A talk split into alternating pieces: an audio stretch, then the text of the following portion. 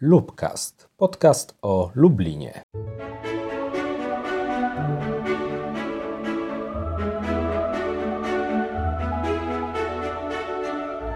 Dzień dobry albo dobry wieczór. Ja nazywam się Jacek Skałecki i zapraszam na kolejny odcinek Lubcastu. Dziś przeniesiemy się do XIX-wiecznej Kalifornii, a konkretnie do e, miasteczka Anaheim które dziś kojarzy nam się głównie z zawodową drużyną hokeja na lodzie, ale od teraz powinno nam się kojarzyć też z powieścią To przez ten wiatr autorstwa Jakuba Nowaka, która pod koniec września ukazała się nakładem wydawnictwa Powergraph. Akcja powieści toczy się właśnie w Anaheim, a jej zalążkiem jest prawdziwa historia wyprawy Heleny Modrzejewskiej i Henryka Sienkiewicza na kalifornijskie rancho. Co ma z tym wspólnego Lublin? Chociażby to, że Jakub Nowak mieszka tu od ponad dwóch dekad i jest profesorem największej lubelskiej uczelni, czyli UMCS-u. Poza tym w jego wcześniejszej twórczości też pojawiają się lubelskie tropy. Zapraszam do wysłuchania rozmowy z autorem powieści To przez ten wiatr. Zaczynamy. Gościem dziewiątego odcinka Lubcastu jest Jakub Nowak, profesor UMCS z Instytutu Nauk o Komunikacji Społecznej i Mediach oraz pisarz. Dzień dobry. Dzień dobry. Pytanie, jako że to jest y, podcast o Lublinie, pytanie pierwsze. Czy byłeś kiedyś w Kalifornii? Nie byłem nigdy w Kalifornii y, i to nawet żartowałem podczas pisania tej powieści, która dzieje się w dużej mierze o Kalifornii, że, że pewne plany dotyczące wyjazdu y, mojego z rodziną do Kalifornii, kiedy trochę nam dzieci podrosły i mogliśmy trochę pojeździć, popsuła pandemia i okazało się, że, że w tym pierwszym okresie pandemii nie możemy pojechać nigdzie. Więc trochę zastępczo, pół żartem mogę powiedzieć, zabrałem się za pisanie powieści, która w tej Kalifornii się dzieje, by chociaż tam literacka jakoś się przenieść. No i właśnie ile trzeba w życiu przeczytać i obejrzeć westernów, żeby tak um, obrazowo odmalować Kalifornię XIX-wieczną na, na kartach książki? A dziękuję.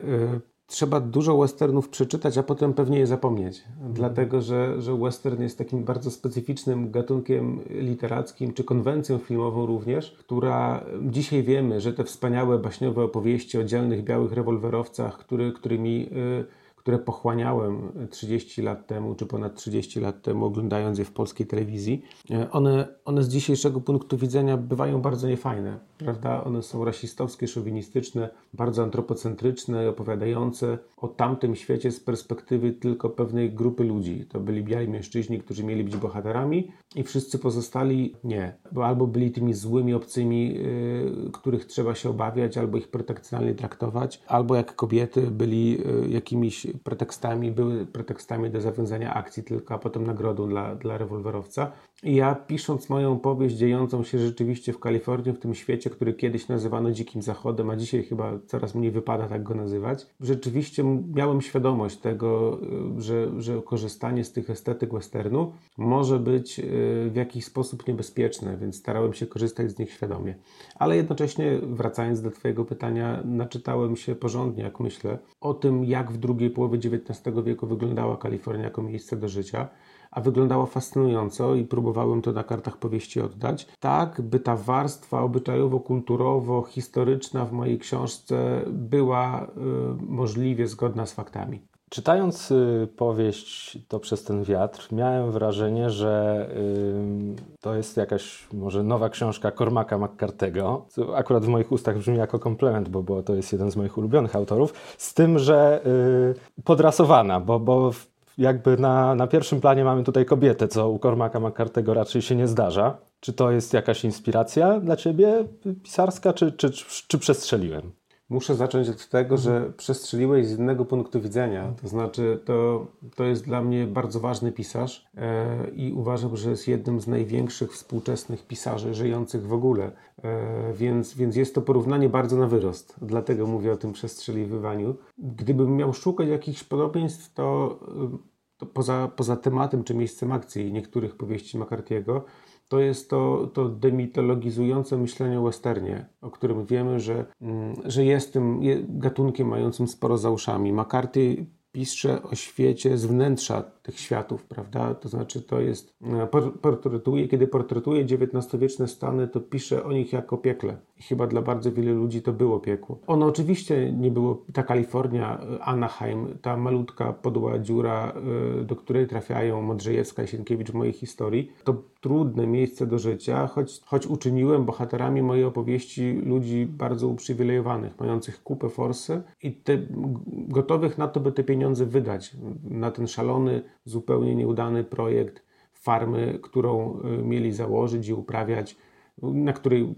winogrona uprawiać mieli y, najwybitniejsza polska aktorka i przyszły noblista, wówczas głodny, ambitny, y, pełny kompleksów literat z Warszawy Henryk Sienkiewicz. Ta y, historia ich wyjazdu do USA jest oczywiście y, prawdziwa, natomiast cała później dopowiedziana przez Ciebie w książce jest już y, wytworem Twojej wyobraźni. Natomiast w rzeczywistości y, oprócz nich i, i grupki przyjaciół, rodziny do, do Stanów mieli również pierwotnie pojechać Stanisław Witkiewicz i Adam Chmielowski. Myślałeś, jak wyglądałaby ta powieść, gdyby oni też się tam znaleźli?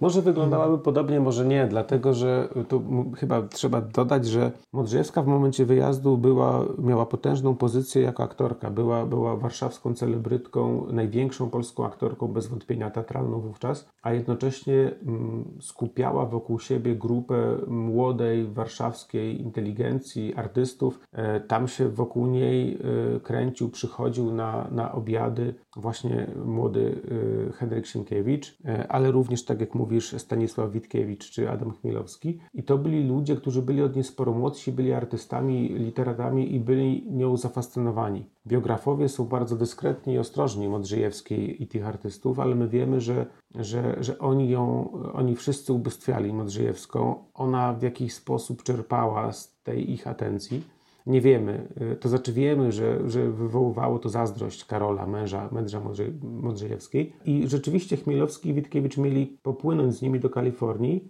pozornie na tę farmę, prawda, uprawiać winogrona. Nie zdecydowali się, ale chyba i tak wystarczyłoby to, ta opowieść była ciekawa, że pojechał tam Sienkiewicz, co też było takim bardzo śmiałym, yy, odważnym ruchem z jego strony, bo wiedział, że jedzie tam, yy, czy jedzie tam pierwszy właściwie i szuka miejsca w którym mieli tej jesieni 76 roku zamieszkać również państwo modrzejewscy, więc przygotowywał miejsce do życia dla siebie, dla kobiety, którą bez wątpienia był w jakiś romantyczny czy erotyczny sposób zafascynowany, ale która miała tam przecież przyjechać z mężem i z nastoletnim synem i to się wydarzyło. I my wiemy, że, że Modrzejewskiej też Sienkiewicz podobał się, zwróciła uwagę, kiedy przyjechała tam na jego muskulaturę, na jego opaleniznę, na to, jak dobrze radzi sobie z, z, ze strzelbą, z karabinem. E, I to też wywoływało wybuchy zazdrości jej męża. I to, to napięcie pomiędzy tak wyjątkowymi dla naszej jakiejś zbiorowej polskiej mitologii postaciami próbowałem w tej powieści oddać, pokazując, jak to mogło wyglądać, jak oni tam dwoje skoszarowani w tym malutkim domku, e, chatce właściwie gdzieś na prerii, e, czy niemalże na prerii e, kalifornijskiej razem żyli. Przy Sienkiewiczu chciałbym się na chwilę zatrzymać, bo to jest postać, która y, no, w pewnym sensie wryła się w naszą y, świadomość społeczną. Mówimy Sienkiewiczem, y, jego jakieś spojrzenie na historię trochę nam wykrzywia to, co, co faktycznie miało, miało miejsce przed wiekami. Czy pisanie tej książki to było w Twoim przypadku jakieś wadzenie się z tym Sienkiewiczem? Jak, jaki miałeś w ogóle do niego stosunek, tak zdejmując go z tego pomnika na kartach powieści? Dla mnie to była sytuacja dość wygodna, dlatego że mój Sienkiewicz ma 30 lat i dopiero zaczyna pisać prozę, więc ja nie musiałem go z pomnika zdejmować, bo on na ten pomnik jeszcze nie trafił. To był facet, który był wówczas dość uznanym już warszawskim dziennikarzem, bardzo ambitnym, yy, głodnym sukcesów, zafascynowanym Odrzejewską, jednocześnie bardzo zakompleksionym. Bo był drobniutkim, niskim, chorowitym trzydziestolatkiem, z kompleksem na przykład nie brania udziału w żadnym e, powstaniu zbrojnym. On sam o sobie pisał z przekąsem, z żalem, że, że jest jedynym Sienkiewiczem nie imającym się rzemiosła wojennego. I to było dla niego ważne, by się wykazywać również jako tak tradycyjnie, szczególnie wówczas, prawda, tradycyjnie pojmowany mężczyzna. E, I ja długo myślałem o tym, jakim mógł być facetem tam również w Kalifornii, prawda, kiedy, kiedy mamy tę sytuację, że on jedzie do zupełnie innego świata i nagle może stać się kimś innym, prawda? Ten wyjazd na drugi koniec świata do nowego świata, jak wówczas mówiono, pisano o, o Ameryce, o Kalifornii, mógł prowokować do jakiejś próby zmiany własnej tożsamości. E, I jednocześnie ja nie piszę o, o tym literacie, o pisarzu, o tym współtwórcy narodowej mitologii Polaków. Ładnie mówiłeś o tym, jak, jak on zmienia, w jaki sposób on czyni nas myślącymi o historii w określony sposób przez swoją literaturę.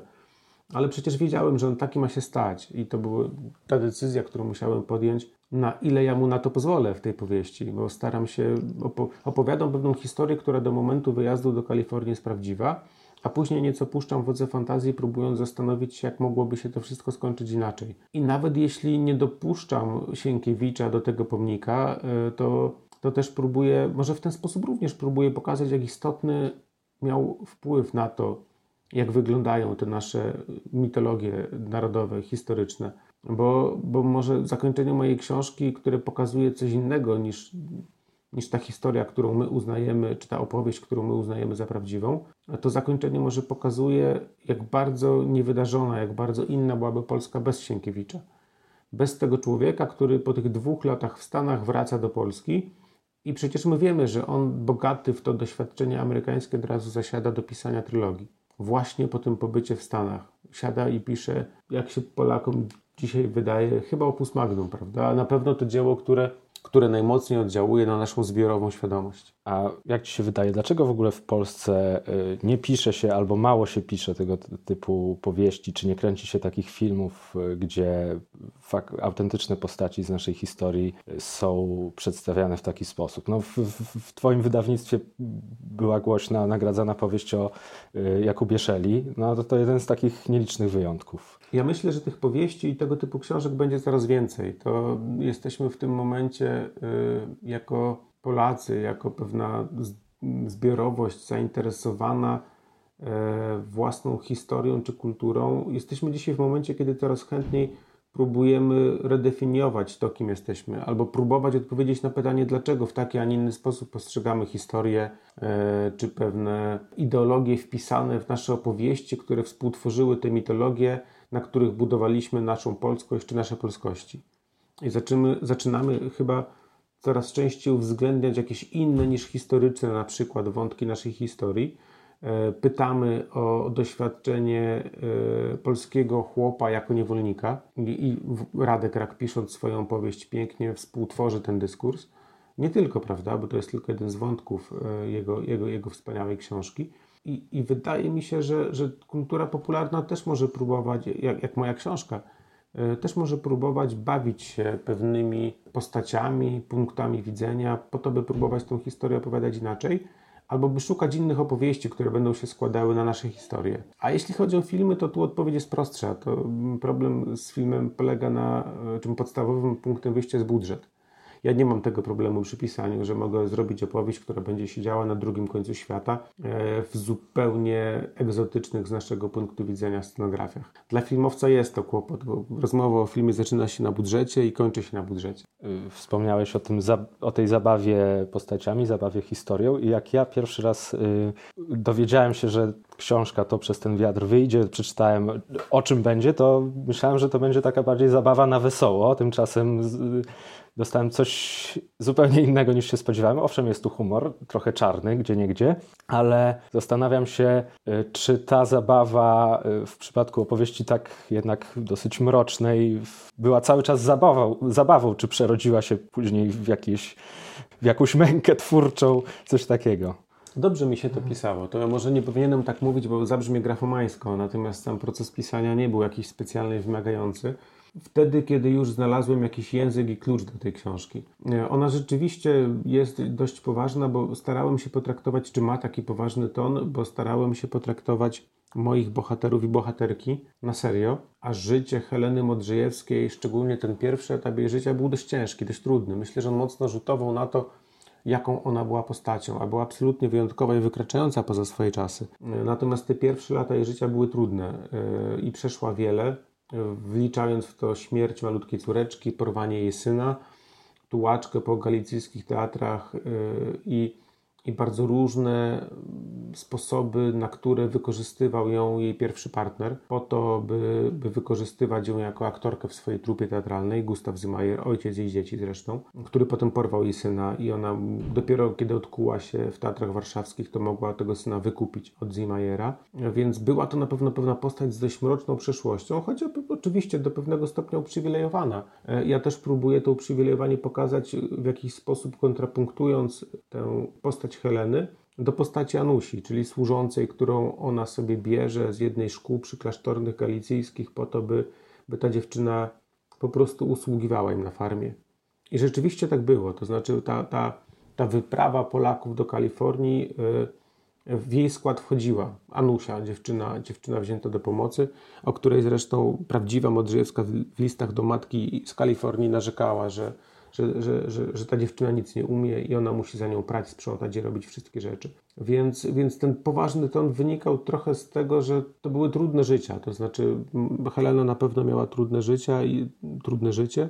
I ten moment, kiedy trafiła do, do tego świata, też musiał być dla niej niełatwy. Choć wiemy, że poradziła sobie świetnie, bo, bo te, ta prawdziwa o niej opowieść, którą znamy, jest taka, że 7 miesięcy po tym, jak ta farma upadła, ona już zadebiutowała na deskach teatru w San Francisco. Western jako taki y, określiłbym najbardziej filmowym z literackich gatunków. I dlatego e, zapytam, jeżeli to przez ten wiatr miałoby kiedyś zostać zekranizowane, to jaki reżyser powinien to zrobić? Żyjący albo nieżyjący? Jak, wrażliwość jakiego twórcy najbardziej by pasowała do, do, do, do, czegoś takiego? Rozumiem, że to pytanie o moje marzenia, więc mm. odpowiem marzeniem Denis Villeneuve. O, dosyć młody, więc, więc może jeszcze marzenie się spełni. Sporo ode mnie starszy, natomiast chyba rzeczywiście jak na, jak na pewne kryteria hollywoodzkie, tak. to cały czas uznawane za względnie młodego reżysera. Tak. Przejdę jeszcze na chwilę do poprzednich Twoich prób literackich, bo to przez ten wiatr jest debiutem powieściowym, ale nie debiutem literackim. Wcześniej ukazał się zbiór opowiadań pod tytułem Amnezjak, y, zbiór opowiadań science fiction. Chciałbym zapytać o to przejście, ten rozrzut stylistyczny, bo Volta jest dosyć poważna i dlaczego się w ogóle dokonała i jak się dokonała i czy możemy się kolejnej Volty spodziewać? Na pewno możemy się spodziewać kolejnej Volty y, i może będziemy nią zaskoczeni. Ja będę na pewno, dlatego że ja jeszcze nie wiem, jaka to będzie Volta. Myślę, że odpowiem tak, nie mam pojęcia y, w jakiej estetyce, w jakiej konwencji y, napisana będzie moja kolejna książka ale na pewno nie będzie ona historycznym westernem z elementami romansu. Więc, więc postaram się poszukać i pewnie znajdę czegoś innego. E, była to pewna wolta, dlatego że ja w ogóle zdecydowałem się na napisanie tej powieści, która nie ma żadnych elementów fantastycznych, dlatego że dowiedziawszy się o tej historii, o tym szalonym pomyśle podróży do Kalifornii i hodowania winogron przez, przez Modrzejewską i Sienkiewicza, wtedy szczególnie, kiedy my wiemy, że między nimi romantycznie, erotycznie coś tam iskrzyło, albo Sienkiewicz chciał, żeby tak było. Kiedy dowiedziałem się o tej historii, pomyślałem, że to jest tak fantastyczny temat na opowieść, że mógłbym spróbować się z nią zmierzyć. Tym bardziej, że, że skoro to jest Kalifornia, rok 1876, e, jakieś miejsce niedaleko współczesne, dzisiaj właściwie fragment Los Angeles, to ja chcę to zrobić, chcę spróbować, prawda, pobawić się tą estetyką westernu i gdzieś tam ten western opowiedzieć po swojemu. Oczywiście ta opowieść wymagała czy potrzebowała jakiegoś języka, który będzie innym językiem niż te opowieści fantastyczne, przede wszystkim science fiction, które pisałem, które pisałem wcześniej. Natomiast na, na pewnym poziomie konceptualizacji tej opowieści, kiedy ja sobie myślałem, jak ja chciałbym ją napisać, to ta robota pierwsza, moja światotwórcza, ona się nie różniła za bardzo od tej pracy przy pisaniu science fiction. To znaczy, moja, moje, ja z reguły pisałem takie dość długie opowiadania fantastyczne, w których element światotwórczy był istotny. I, i ta kreacja polegająca na stworzeniu jakiegoś spójnego, względnie przemyślanego, pozbawionego widocznych szwów settingu fantastycznego, ona potem przełożyła się na bardzo podobne myślenie o opowiadaniu o tej Kalifornii XIX wieku. To znaczy, to też jest dla mnie jakiś tam setting fantastyczny w tym sensie, że jest to opowieść o świecie, który, która jest nieobca mnie czy tobie tutaj. Więc tak samo myślałem, e, czy musiałem wykonać podobną pracę na poziomie budowania tego świata. Choć oczywiście ten język XIX-wiecznej opowieści o Kalifornii, e, on będzie inny niż ten, ten język, e, styl, dynamika, tempo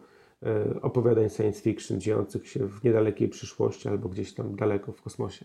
tym budowaniu świata w opowiadaniach w Amnezjaku, a konkretnie w trzech opowiadaniach, pomocny był Lublin, ponieważ Lublin tam się pojawia y, w dosyć y, odjechanych, że tak powiem, y, okolicznościach. To już nawet w porównaniu z tym, że Sienkiewicz i Modrzejewska mają przygody w Kalifornii, to tutaj na przykład The Doors grają koncert na, nad Zalewem Zębożyckim i y, chciałem o ten Lublin zarówno literacki u Ciebie zapytać, jak i ten normalny Lublin, bo pracujesz w nim i mieszkasz od, już od lat, chociaż z niego nie pochodzisz. Lublin jest miejscem, Lublin jest dzisiaj moim domem. E, jest moim domem od 22 lat, albo stał się po kilku latach mieszkania tutaj.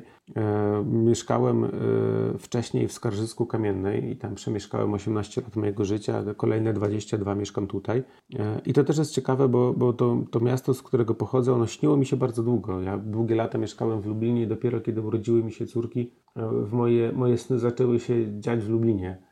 I to wtedy chyba poczułem, że może to kwestia rodziny właśnie, yy, która sprawiła, że moja podświadomość wyczuła, że to jest teraz miejsce, które mogę nazywać swoim domem i że stąd właśnie jestem. I rzeczywiście były opowiadania, w których Lublin był miejscem akcji, mam nadzieję, że oddany z sympatią, bo, bo, lubię, lubię to miasto i myślę, że to fajne miejsce do życia. E, I nie wydaje mi się, żeby to się miało zmienić i będę tu mieszkał dalej. Mój pomysł na opowiadania science fiction, niektóre z nich, bo to mówisz o tych, które dzieją się w Lublinie, to kojarzę właśnie Dziwne Dni albo Ciężki Metal. To opowiadania, e, które, w których ja próbuję opowiadać jakieś fantastyczne historie wyekstrapolowane z tego świata tu i teraz więc, więc mówię, opowiadam pewne historie, które, które dzieją się w miejscach, które są domem dla ich bohaterów. I pomyślałem sobie, że to byłoby fajne, jeśli mam taką opowieść o alternatywnej rzeczywistości, w której The Doors jest zespołem, który powstaje w Polsce, dlatego że ta granica żelaznej kurtyny, ona nie przebiega na Odrze, ale na Bugu i mieliśmy to szczęście w mojej fantazji, że Polska miała to szczęście, że, że została objęta planem Marszala, tak jak Niemcy i to może w Polsce mógł powstać zespół The Doors, to czemu nie mieliby zagrać koncertu nad Zalewem Zębożyckim? E, I tak sobie, tak sobie to wymyśliłem. Myślę, że ja nie wiem, o czym jeszcze napiszę, ale bardzo prawdopodobne jest, że, że będę pisał również o Lublinie, bo lubię, lubię Lublin i lubię pisać o miejscach, które znam. Na koniec jeszcze bym wrócił do y, powieści To przez ten wiatr. Mówiłeś, że marzyłbyś y, o Denisie Wilnewie jako adaptatorze tej powieści, natomiast inne marzenie pewnie każdego pisarza jest takie, żeby trafić na y, rynki zagraniczne i myślisz, że gdyby na przykład Twoja książka została wydana w Stanach Zjednoczonych, to czy mogłabyś się tam sprawdzić, czy ona jest na tyle jednak przez postaci Modrzejewskiej i Sienkiewicza na tyle zanurzona w nas, że, że raczej nie? Czy, czy, czy, raczej bardziej jest uniwersalna i po prostu to jest taka westernowa opowieść, która pod każdą szerokością geograficzną mogłaby być z powodzeniem czytana? To jest pytanie pułapka, bo ja mm. oczywiście bardzo bym chciał, żeby ona była maksymalnie uniwersalna. To znaczy chciałbym, żeby ona przede wszystkim nie była opowieścią o warszawskiej celebryce i przyszłym polskim nobliście, tylko o parze ludzi, czy o trójkącie i grupie jeszcze kolejnych bohaterów, którzy są maksymalnie prawdziwi, prawda? Żeby ta nasza fantazja o nich pozwoliła nam się w jakiś sposób w nich przejrzeć i by, by te ich losy, decyzje dotyczące ich życia, jakieś napięcia między nimi, one nie były od nas jakoś specjalnie odległe. To znaczy, chciałbym, ja starałem się napisać książkę, w której, którą być może można przeczytać właśnie zupełnie poza tym kontekstem yy, celebrycko-historycznym. Yy, oczywiście wydaje mi się, że, że czytanie tej powieści przez Amerykanina czy Amerykankę dzisiaj obarczone byłoby innym niebezpieczeństwem, że chichraliby się z mojej fantazji na temat Kalifornii. No ale może w tym nawiasie postmodernistycznym y, ta, ta moja wizja przeszłaby jakoś, jako akceptowalna. Y, tym bardziej, że rzeczywiście wykonałem dość dużo researchu po to, by, by, by jakichś tam minach historycznych uniknąć. Choć oczywiście pewnie jest mnóstwo takich, w które wszedłem e, i dopiero się o tym dowiem. Życzę zatem, żeby było ich jak najmniej i życzę, żeby powieść To przez ten wiatr święciła dalsze triumfy. Gościem Lubcastu był Jakub Nowak. Bardzo dziękuję. To fantastyczne życzenia. Dzięki. Kolejny odcinek Lubcastu chyli się już ku końcowi. Dziękuję Wam za jego wysłuchanie i polecam książkę Jakuba Nowaka To przez ten wiatr. Jest to powieść jakich mało na polskim rynku wydawniczym. Zaglądajcie też na media społecznościowe Jakuba Nowaka i wydawnictwa Powergraph, no i na media społecznościowe Lubcastu. Przypominam, że pozostałe odcinki dostępne są na Spotify'u, Apple Podcasts, Google Podcasts i na YouTubie. Rozmowa z kolejnym wyjątkowym gościem ukaże się 2 listopada. Trzymajcie się ciepło. Ja nazywałem się Jacek Skałecki, a to był Lubcast, czyli podcast o Lublinie. Do usłyszenia.